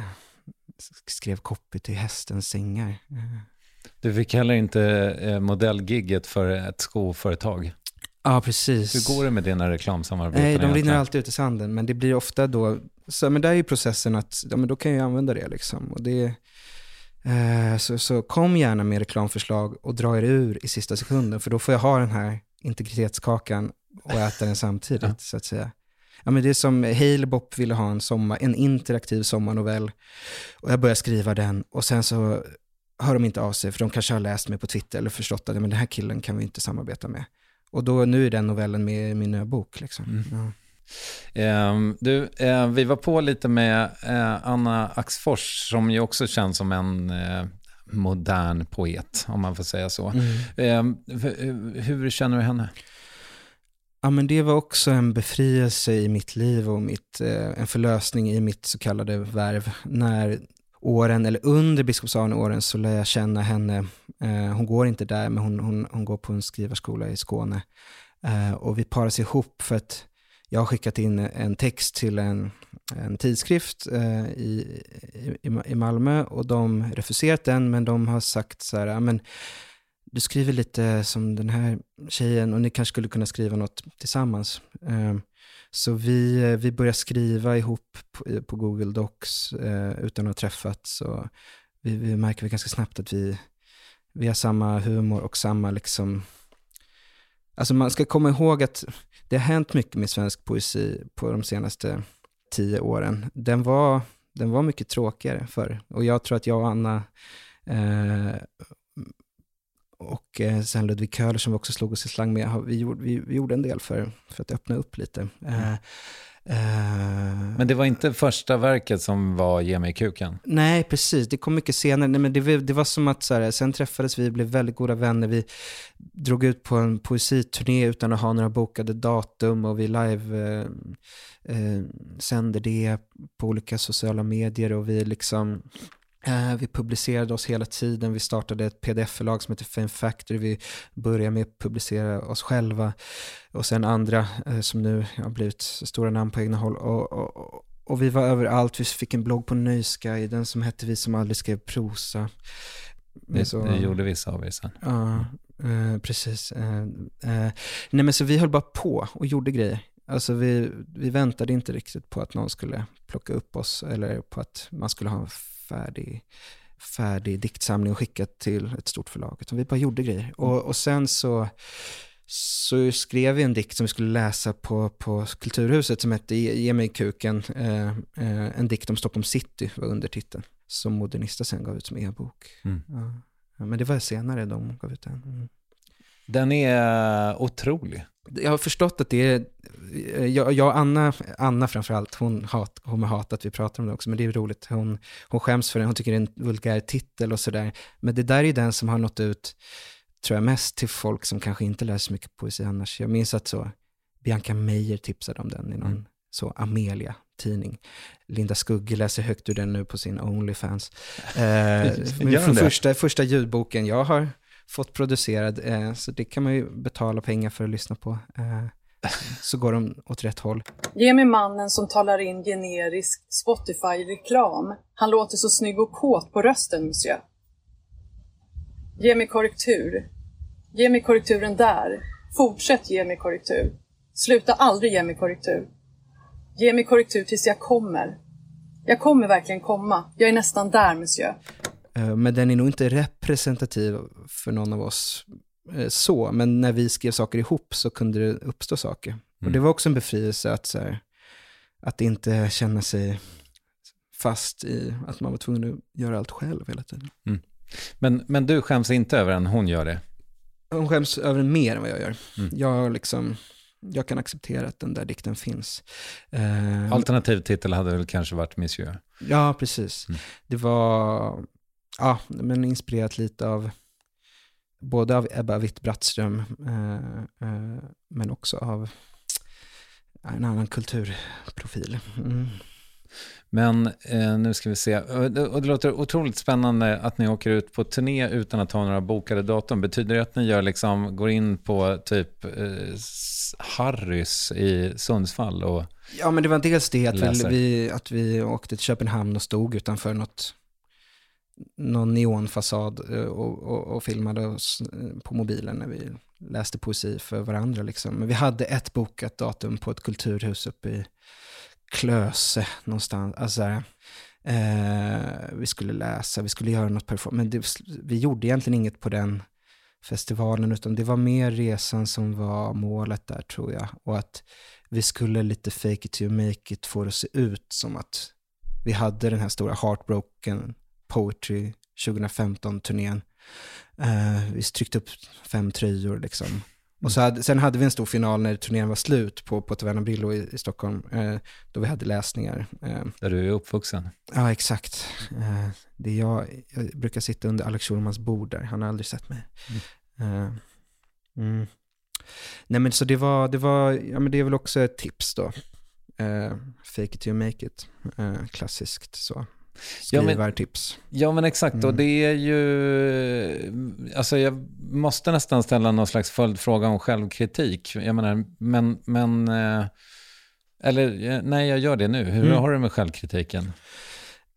det, det, det är hela tiden, självhatet är starkt tror jag. Eh, och, och, och så. Men, eh, men det mattas av och, eh, och jag tror att hybrisen eh, ofta vinner, eh, så att säga. Men jag är ju väldigt eh, känslig för kritik från, a- av andra människor. Eh, obehagligt känslig, eh, oklädsamt eh, känslig. Brukar gå i polemik mot dåliga recensioner och sådär. Försöker, min fru har sagt nu, för nu har boken har kommit men det har inte kommit några recensioner än. Eftersom jag är en idiot och ger ut en bok mitt i sommaren. Eh, så jag får skylla mig själv. Men hon har sagt att den här gången Nils, får du inte, dela inte de dåliga recensionerna. Du kan bara ignorera dem. Mm. Ja. Det är väldigt lätt sak att säga. För henne. Ja. Ja. Men, eh, men självkritiken är nog eh, stark. Men rent principiellt så, så tycker jag inte att det är dåligt att publicera dåliga saker på typ internet eller själv. Eller, eh, utan det, där är resan målet också. Det, det är en annan grej om man skulle så känna att man ger ut något där andra människor har lagt ner tid och pengar eh, för att det verket ska komma ut och så ger man ut något som man inte tror på eller som man är missnöjd med. Alltså där, jag är ändå väldigt noga med mina fysiska böcker och sådär. Jo, fast du brasklappar ändå i förordet om att den... den, den Just det. den- Men det är, för att jag, det är för att jag tycker brasklappen i sig är en, en, en, en, en fin, vad ska man säga, genre eller ett fint koncept liksom tror jag. Ja men du har rätt, jag garderar mig mycket. Mm. Men jag tror att jag springer med bollen ofta. Istället för att så sluta gardera mig, då, ja, men då, då garderar jag mig in i absurdum så att det blir en intressant dikt av det. Typ. Eh, och jag tror att hade jag inte arbetat på det sättet så hade jag inte fått något gjort, tror jag. Eh, ja, nej men idag, den här manin jag kom in med har liksom, idag så känner jag att självkritiken är låg och att hybrisen är stor. Liksom. Mm.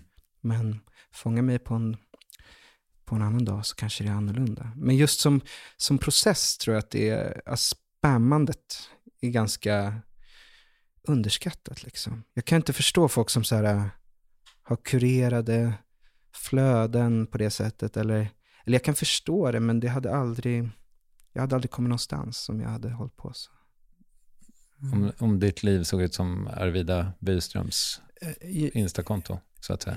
Ja, ja, men hon är ändå ganska, hon spammar kanske inte för att det är väldigt genomtänkt alltid, men hon, hon, hon är inte rädd för att posta mycket. Jag tycker om folk som postar mycket. Och, jag har, och där har jag inget problem med att så här, jag, blir, jag blir glad om du avföljer mig. Liksom.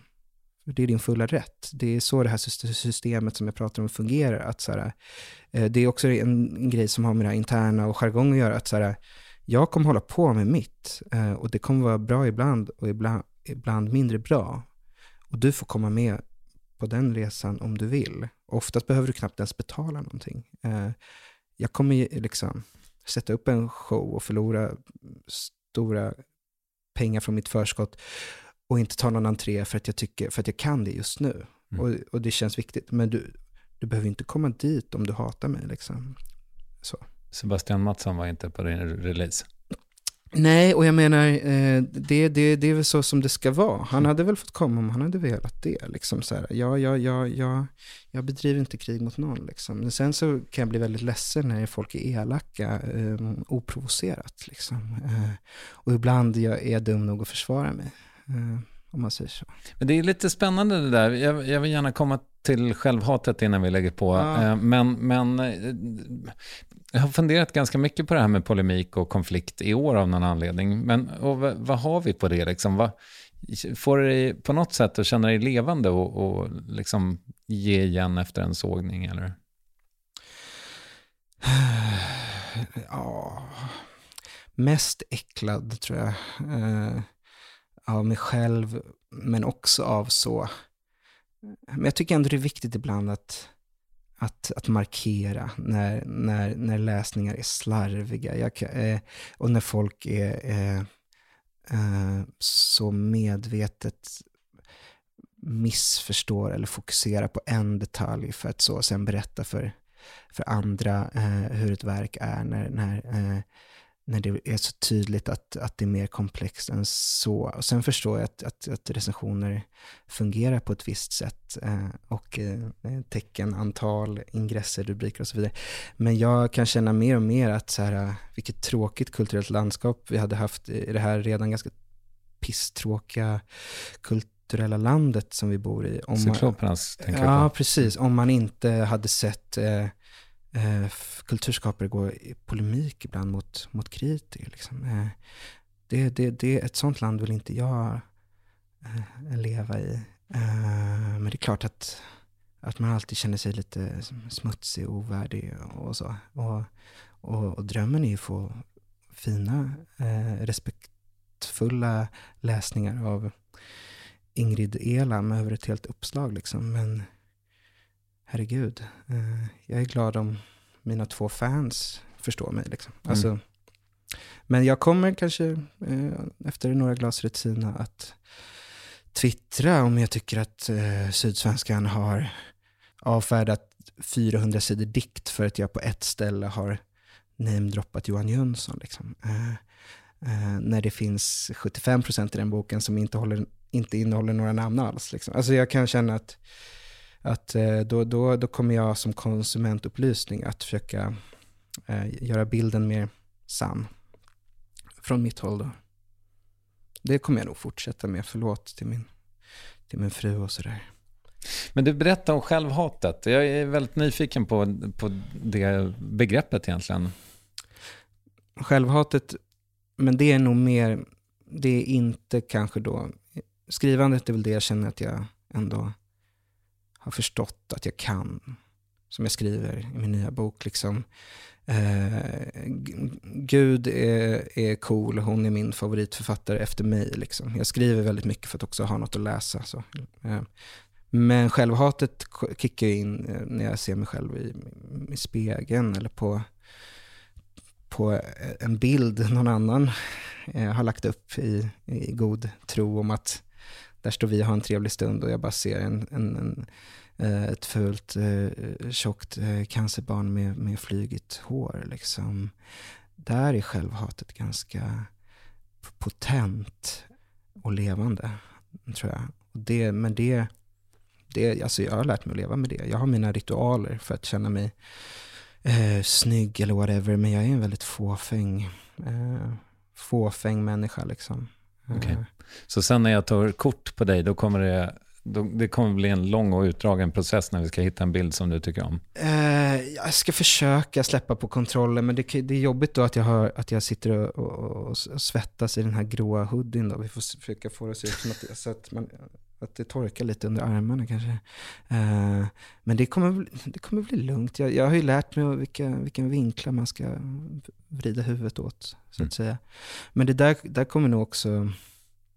I poesin har jag kanske inte det här kontrollbehovet, men om jag sitter i Cyklopernas land så är det också så här att det, två dagar till att skriva manus och lära sig det utan till ord för ord. Eh, eh, tre timmar till att välja kläder. Mm. Eh, liksom. Eh, det är inte så, jag är inte så avslappnad. Eh, tvärtom. Du är inte Göran Greider? Nej, och, och jag menar, jag önskar jag kunde vara så avslappnad, för jag menar det är också väldigt attraktivt. Uh, uh, han har jättebra stil. Mm. Uh, ny grunge. Typ. Mm. Mm. Men eh, det var någon klok person som sa till mig att jag måste liksom eh, odla min inner cheerleader. Och då, för att jag, när jag tittar mig i spegeln så är jag nog också mest skavanker, men nu har jag liksom försökt öva mig. Och det mm. känns mm. ju fullkomligt idiotiskt, förstår du, antar jag, att man står och bara, nej men du ser ju stark ut, mm. du ser inte alls så tjock mm. ut, och mm. titta vilken fin mm. muskel du har där, istället för att fokusera på allt piss liksom. Um, vad tror du om det? Finns det någon framtid för din inner cheerleader? Nej, för jag har också svårt för liksom utomstående cheerleaders, eller så här, det är det värsta du kan höra när det är så. Jag vet inte, alltid, jag känner mig som fulast, eh, eh, det är samma helg varje år när, när jag tror det är björkpollen, alltså när det pikar. Så. Det är kombination, alltså så här, eh, ansiktet svullnar upp och, och liksom, och, och, så säger man det till sin fru till exempel, som man vet ändå älskar henne och har tyckt att var, man har varit attraktiv vid någon tidpunkt. Liksom. Eh, och hon säger bara, nej men jag ser ingen skillnad, eller du ser jättefin ut. Och då, eftersom man själv, eh, alltså det blir bara ett hån då. Att, eh, så jag tror bara att man ska acceptera hur ful man känner sig och bara göra lite fler situps eller jag vet inte. Alltså, raka sig eh, noggrannare. Eh, jag vet inte. Du, um, en, alltså en, det känns när jag så här um, plöjer igenom det jag hittar med dig så känns det fint tycker jag att det liksom lyser igenom den här stora rastlösheten som du pratar om. Att du liksom kan dra igång en standup-karriär så att säga, eller en talkshow mm. och sen så får det liksom bara, eller en podcast för mm. den delen, och så får det liksom fejda ut bara. Och i, alltså, är, är det, vad, vad, känner du kring det?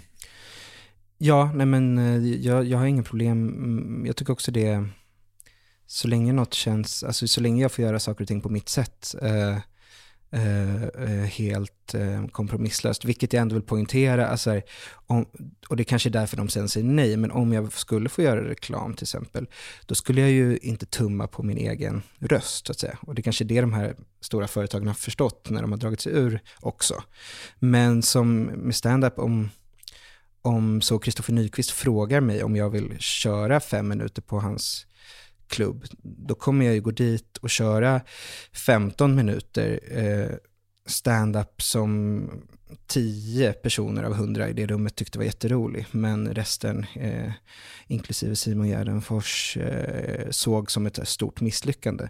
Eh, men jag var ju skitnöjd med den. Mm kvällen och det giget. Och jag väntade bara på att få en till inbjudan så att jag skulle få anledning till att skriva 15 nya minuter. För att jag skulle aldrig dra samma material två gånger. Eh, tycker jag är patetiskt att behöva göra det. Liksom. Eh, eh, så tråkigt. Eh, och sen om jag får frågan att göra tre kvällar på Brillo, då är det klart att jag gör en dekonstruerad talkshow, för jag har alltid velat ha en talkshow.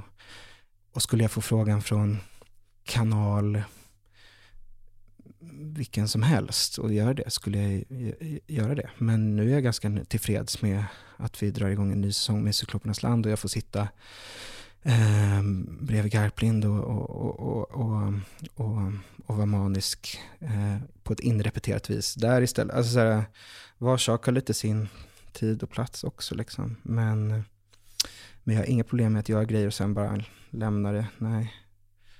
Men jag tänker att de där grejerna kommer komma tillbaka. Eh, och då är jag beredd. Då har jag övat. Vad vill du få ut av livet? Nej, men det är bara fortsätta eh, med mina ritualer eh, så att jag känner mig liksom någorlunda tillfreds och, och, och, lycklig med mig själv. Liksom se, vara var, var lite lugnare framöver med min familj. Eh, men om jag kan fortsätta skriva och ge ut mina böcker då och då så är jag nöjd. Liksom. Jag är helt eh, alltså jag, jag är helt tillfreds med tanken att eh, bli publikvärd igen om fem år och, och, och jobba timme i Skärholmen. Liksom. Du är ju ändå en av Sveriges bästa. Ja, alltså det, ibland kan jag sakna det där. Alltså, man blir lite hög på sig själv när man har fått eh, ett rum med eh, Eh, 113-åringar att eh, lyssna. Eh, så. Men nej, men jag, jag, jag, skulle vilja... Ibland kan jag känna att jag vill lämna mm, Sverige. Eh, att det vore härligt att, om, om min lilla familj kunde få flytta. Det vore skönt att liksom se på det här kotteriet utifrån kanske. Och bli lite mer säker i sig, i sig själv, liksom lite mer lugn. Hade kanske varit skönt för att det hade varit mindre stressigt. Men det hade säkert också varit lite trist. Liksom. Blir det, jag, det, jag ser tre platser där en är lite vag, men eh, antingen tänker jag att det blir Sydamerika, eh, Lissabon eller någonstans i Frankrike. Uh, det blir ja, inte London. Nej, inte London. Alltså de, av dem är väl Sydamerika närmast på grund av eh, att det vore kul att träffa min frus pappa som bor i Ecuador och som är till åldern kommen. Liksom. Det vore fint om han fick träffa sitt barnbarn. Mm. Och han, han är en väldigt spännande karaktär, någon sorts eh, eh, pensionerad eh, eh, marijuanarökande gangster liksom, som ser ut som Pasolini. Liksom. Så det hade varit nice. Och, och, och bo i Ecuador. Uh, men jag, jag, jag, jag hade nog inte, alltså även om jag heter Monteverde, liksom, jag, jag är för mycket gringo. Jag, jag, jag skulle vilja bo i New York liksom. Okay. Så, så, jag är en enkel man. Jag fattar. Uh, det vore kul om, om alltså ur rent självisk synpunkt så, så är jag lite accelerationist på det sättet. Det vore kul om det bara blev kollaps i alla sådana stora städer. Och man kunde ockupera lägenheter och det inte var så dyrt att bo. Svårt med, med, med ett barn att bo i så kanske, men jag kan ju flytta in i någon ockuperad lägenhet när hon har blivit 18. Mm. Eller så flyttar du in hos Jonas Hassan Khemiri. Ja, men det, där finns det väl ändå pengar eh, som kan sippra neråt. Jag tror ju på det. Ja. Eh, jag jobbar ju själv som, jag låter mycket pengar sippra ner nu när jag har dem. Mm. Eh, mm. Du, um, du vet när någon gör eh, något bra, typ så här, um, drar igång något eh, projekt för välgörenhet och så säger de så här, om jag hjälper en person så var det värt det kanske, eller?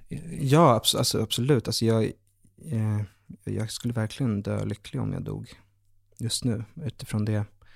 Eh, utifrån ett sånt perspektiv perspektiv. Och det, alltså så här, det är banalt men sant att det finns ingenting som gör mig så ödmjuk som eh, när personer eh, som jag inte känner eh, lägger upp en bild på min bok eller en av mina dikter eh, och delar det liksom, för att de har tyckt om det. Det, det, är, väl, det, är, det är helt fantastiskt. Liksom, så.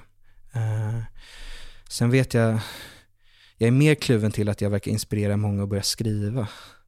För att det ges ut alldeles för mycket böcker eh, i det här landet som det är. Men, men man ska följa sina drömmar. Eh, och det är liksom... Mm. Nej men jag, alltså jag skulle kunna dö lycklig nu. Bara för att eh, jag vet några som har tyckt att vissa grejer jag skrivit varit viktiga. Liksom. Och sen har du, för att du har fått vara med i Värvet? Ja, det också. Framför allt det kanske? Framför allt, framför allt. Det var så gott kaffe.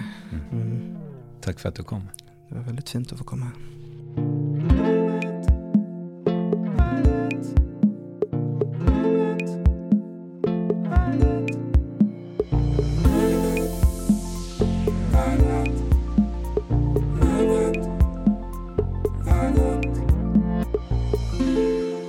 Producent Ninni var, pun intended, lyriska efter det här avsnittet. Jag hoppas du är det också. In och berätta på vårt Instagram till exempel, eller mejla och så är du gullig och läser Elis bok Ironi för änglar. Och förutom sagda producent med efternamnet Westin ligger ju också Acast bakom värvet och jag, Kristoffer Triumf. Och nu är det väl hög tid att vi spelar Elis Monteverde Burås eh, låt Tartu, tänker du? Ja, vad fan väntar vi på? Håll till godo! Jag var 25 fick jag mail från en man. Han hette Hasse och Krull och det var inte spam. Han frågade om jag ville följa med på en grej En poesifestival i Estland hos sig. Och jag sa ja. Och Hasse och Krull sa det blir nog bra.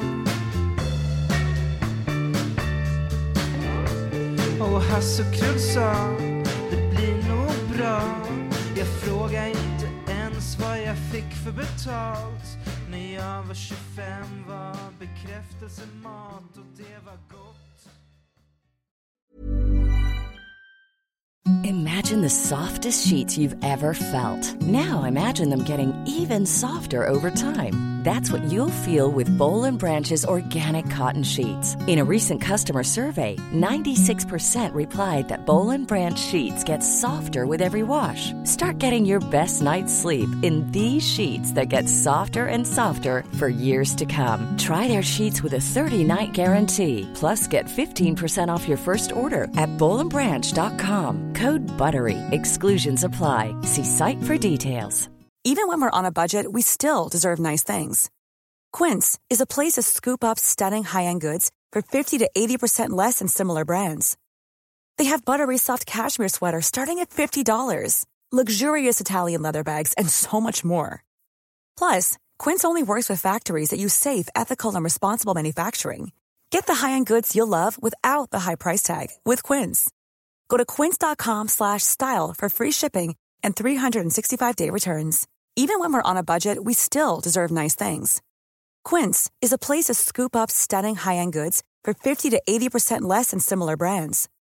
They have buttery soft cashmere sweaters starting at $50, luxurious Italian leather bags, and so much more. Plus, Quince only works with factories that use safe, ethical, and responsible manufacturing. Get the high-end goods you'll love without the high price tag with Quince. Go to quince.com slash style for free shipping and 365-day returns.